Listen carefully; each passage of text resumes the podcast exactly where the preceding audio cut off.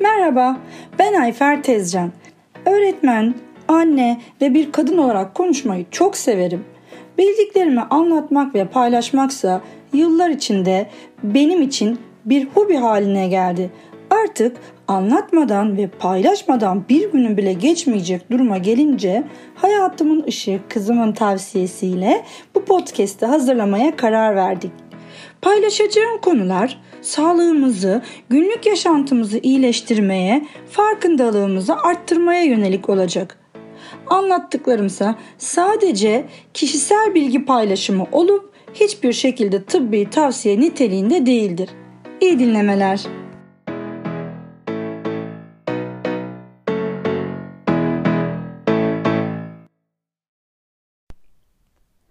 Pas çözücüler yani antioksidanlar.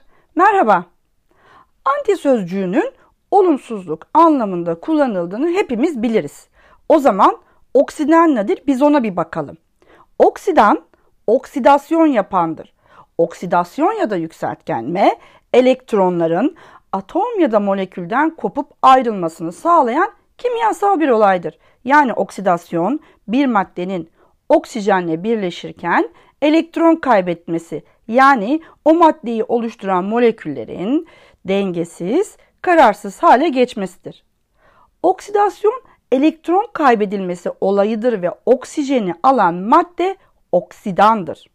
Artık oksijenle temas eden madde paslanmıştır. Kısaca oksidasyon genel tabiriyle paslanma demektir.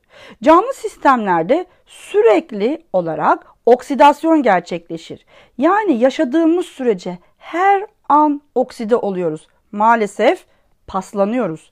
Paslanmamızın nedeni ise metabolizma yani canlılığımızın devamı için gereken tüm yapılım ve yıkılım olaylarıdır. Bu olaylar genelde oksidasyon temelli olaylardır ve bunu yapan da oksijen molekülüdür. Canlılığımızın devamı için gereken yüksek yapılı, gelişmiş organizma olmamızı sağlayan oksijen molekülü ve onun sonucunda da gelişen oksijenli solunumdur. Oksijensiz yaşayamayız tamam ama bizi yavaş yavaş paslandırıp kaçınılmaz sona yaklaştıran da oksijenli solunumdur. Oksijenin hücrelerimizde yaptığı bu oksidasyona yani tabiri caizse paslanmaya oksidatif stres adı verilir. Buraya kadar çok tanım oldu ama kafamız karışmasın. Biz zaten bu tanımları sürekli olarak sosyal medyada duyuyoruz. Oksidatif stres canlı organizmalardaki bozulmanın ve ölümün birincil nedenidir. Şimdi buraya kadar ne mi anlattım? Hemen özetleyeyim size. Yaşamak için soluk alıp veriyoruz. Soluk alıp vermek için kullandığımız oksijen de bizi paslandırıyor. Paslanmanın süresi uzadıkça ve miktarı arttıkça da hastalıklara ve ölüme daha hızlı yaklaşıyoruz. Bu nasıl mı oluyor? Anlatayım hemen. Oksidatif stres dediğimiz olay hücrelerimizde gerçekleşen oksijenli solunum sonucunda oksijenin kararsız hale getirdiği paslanmış moleküllerle oluyor. Kararsız, dengesiz, başıboş moleküllerdir ve oksijenli solunumun oksidasyon ürünleridir.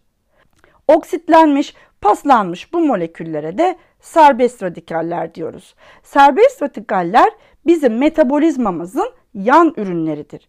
Hücre için zararlı olduklarından hemen kararlı ve dengeli hale geçmeye çalışırlar. Serbest radikaller bunun içinde ortamda bulunan moleküllerden o eksik kalmış elektronlarını tamamlamaya çalışırlar.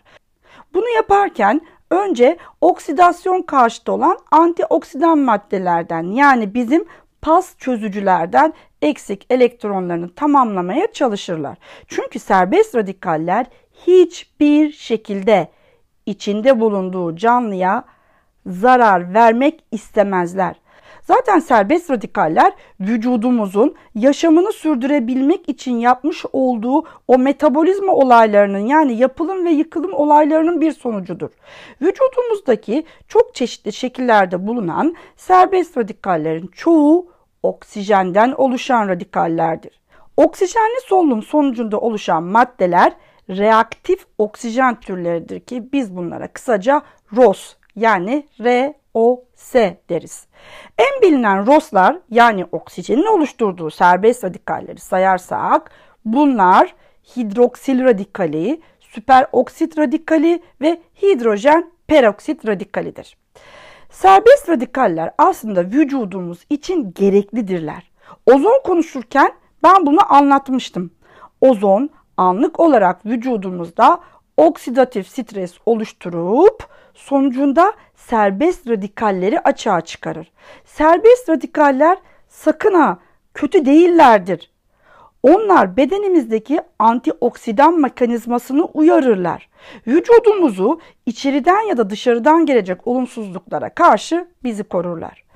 Önemli olan vücudumuzda oluşan oksidatif stresle antioksidan mekanizması arasında bir denge olmasıdır. Sağlıklı bir bedende bu denge vardır. Denge bozulursa oksidatif stres artar. Aslında oksidatif stres bir hastalık değildir ama hastalığa yol açabilir ya da hastalık oluşmasını hızlandırabilir. İşin en kötü kısmı oksidatif stresin kısa vadede bir belirtisinin olmamasıdır. Antioksidanlarımız yani namı diğer pas çözücülerimiz kararsız, dengesiz, eksik elektronlu bu serbest radikallere kendi elektronlarından vererek onları dengeli, nötr ve zararsız hale getirirler. Yoksa serbest radikaller gidip hücrede gözlerine kestirdikleri yerlerden ki bu genellikle hücre zarı ya da hücre organellerinin zarı olur elektron çalarlar. Amaç dengeli ve kararlı hale geçmektir. E bu sefer de hücre bozulmaya başlar ve artık geri dönüşümsüz yola doğru girilmiştir. Antioksidanlar hücrelerimizin, sonra dokularımızın, sonra organlarımızın, sonra sistemlerimizin e, en sonunda da bir bütün olarak vücudumuzun bozulmasını, hastalanmasını engelleyen moleküllerdir. Oksijenin gerçekleştirdiği paslanma var ya işte o paslanmayı çözüp hücrelerimizi gıcır gıcır parlatırlar. Yok karışık olmadı inanın az birazcık geri alıp bir kez daha dinlerseniz taşlar tam olarak yerine oturacak. Şimdi vücudumuzu paslandıran, yaşlandıran, hastalandıran, oksidasyon oluşturan serbest radikal kaynaklarını sayalım. Ultraviyole ışınları yani güneş ışınları, radyasyon, sigara ve alkol kullanımı, çevre kirliliği, hava kirliliği, yoğun egzersiz, evet her şeyin fazlası zarar, kronik hastalıklar, bakteri, mantar, virüs enfeksiyonları, yanlış beslenme ki günümüzün zaten en büyük sorunu bu. Hadi ben de bir ekleme yapayım. Yeterli su içmeme gibi birçok iç ve dış faktörler oksidasyon sonucunda vücudumuzda elektron hırsızı serbest radikalleri oluşturur. Gelelim pas çözen, yaşlanmamızı geciktiren, hastalıklara karşı bizi koruyan antioksidanlara. Bazıları vücudumuzun ürettiği doğal antioksidanlardır ama unutmayalım ki kronolojik yaş ilerledikçe üretimleri ve çalışma hızları maalesef yavaşlar. Şimdi bu vücudumuzda üretilenleri bir sınıflandıralım. Bunlar enzim olanlar ve enzim olmayanlar diye ikiye ayrılır. Enzim olanların isimleri epey havalı. Ee, biraz karışık gelebilir ama ben söylemiş sizler de duymuş olun. Süper oksit dismustaz, katalaz, glutatyon peroksidaz, glutatyon reduktaz. Sıra çoğunu vücudumuzun ürettiği enzimatik olmayan antioksidanlardan bahsetmeye geldi artık. Çoğunun ismi zaten size tanıdık gelecek. Çünkü televizyonlarda ve sosyal medyada sık sık duyuyorsunuz. Glutatyon ki antioksidanların kraliçesi. Kral ismi yok hiç beklemeyin. Melatonin bence küçük kız kardeşi glutatyonun. Koenzim Q10 ve alfa lipoik asit ki diğer kız kardeşler diyorum ben. Ürik asit, bilirubin, asetil sistein. Bunlar vücudumuzun ürettikleriydi. Bir de vücudumuzun üretemediği dışarıdan beslenme yolu ile alınması gerekenler var. sakın bunu illa takviye almak zorundayım diye düşünmeyin. Beslenmeyle de alınabilecek olandır bu sayacaklarım. Vitamin E, vitamin A, vitamin C, B9 vitamini, ginkgo biloba, selenyum, magnezyum, çinko. Ginkgo biloba takviyesini Muazzez İlmiye Çığ bir röportajında kullandığını söylemişti. Şu an 106 yaşında kendisi ve geçen yıl Ağustos ayında yaptığı bir konuşmasını dinledim. İnanın benim kafam şu an ondan daha karışık. Hayatta kalabilmek için beslenerek aldığımız organik molekülleri oksijenli solunumla yakarak parçalara ayırdık. Enerji elde ettik. Vücudumuzdaki yenilenmeyi gerçekleştirdik. Sonucunda da doğal olarak serbest radikal oluşturduk. Serbest radikaller de oksidasyon yaptı. Vücudumuzda oksidasyon olmasın yani paslanmayalım, yaşlanmayalım, hastalanmayalım diye o eşsiz biyoteknoloji harikası olan vücudumuzda antioksidanlar yani pas çözücüleri üretti. Antioksidanların üretimiyle oksidanların üretimi vücudumuzda dengede olmazsa ne olur? Suyu anlatırken sizlere homeostasi sözcüğünden bahsetmiştim. Canlının iç dengesinin olmasını tanımlar bu sözcük. Denge bozulduğunda hemostasi yani iç denge bozulur. Hücre zarları, hücre içi proteinler, hücre içi organellerin zarları ve DNA'da yapısal ve geriye dönüşümsüz zararlar oluşur. Hücrenin yapısı yavaş yavaş bozulurken e, hastalıklar da meydana gelmeye başlar. Sakın unutmayalım.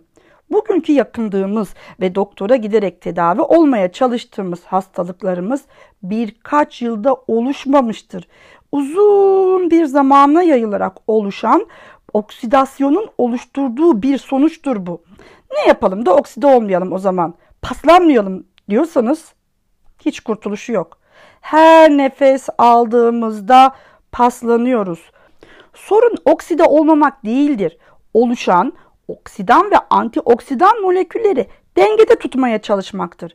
Emin olun bu dengeyi sağlayabilmek sadece vücudumuzu uzun vadede oluşacak hastalıklara karşı korumakla kalmaz. Anlık karşılaşabileceğimiz viral, bakteriyel ve mantar hastalıklarına karşı da korur.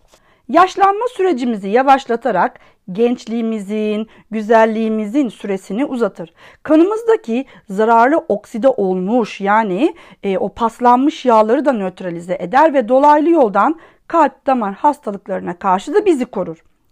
Kanserojen iç ve dış etkenlerin zararlarını azaltır kanser oluşumunu ya da oluşan kanserlerin de büyüyüp yayılmasını engellediğini e, açıklayan birçok bilimsel makale de var zaten. Kronik akciğer hastalıklarına karşı da korumaya destek olur. Göz sağlığı üzerinde de etkileri yapılan klinik çalışmalarla desteklenir. Gelelim antioksidanlara nasıl ulaşacağımıza. Elbette ilk seçenek beslenme yoluyla. Antioksidan yiyecekler nelerdir yazıp online aramaya kalktığımızda karşımıza çok uzun bir yiyecek listesi çıkar. Şimdi ben bunları yazıp kimseyi sıkmak istemem. Zaten bir süre sonra hangi yiyecekte hangisi vardı bilgi karmaşası ile karşı karşıya kalıyoruz. Çünkü bir besinin içinde tek bir pas çözücü yani tek bir mineral ya da vitamin yok ki. Daha önce iskelet sağlığında da bahsettiğim gibi tüm mineraller ve vitaminler sağlığımızı koruma oyununda takım oyuncuları halinde hep beraber görev yaparlar. Benim tarifim şu. Kısaca gökkuşağının tüm renklerine sahip, toprakta yetişmiş, taze her şey. Baklagiller, kepekli tahıllar, yağlı tohumlar ki yani bunlar aslında kuru yemişler ve çiğ olursa çok daha makbul yumurta ve bitkisel kökenli soğuk sıkım yağlar dersek olayı genellemiş oluruz. Sonuç Yemek için mi yaşayacağız yoksa sağlıklı yaşamak için mi yiyeceğiz? Seçimi yapacak olan biziz. Sağlıkla kalın, sağlık aşkına.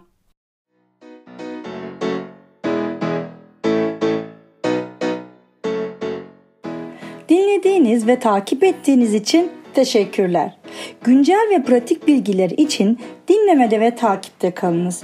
Ayrıca Instagram ve Facebook sayfalarından da takip edebilirsiniz. Sağlık aşkına, sağlıkla kalın.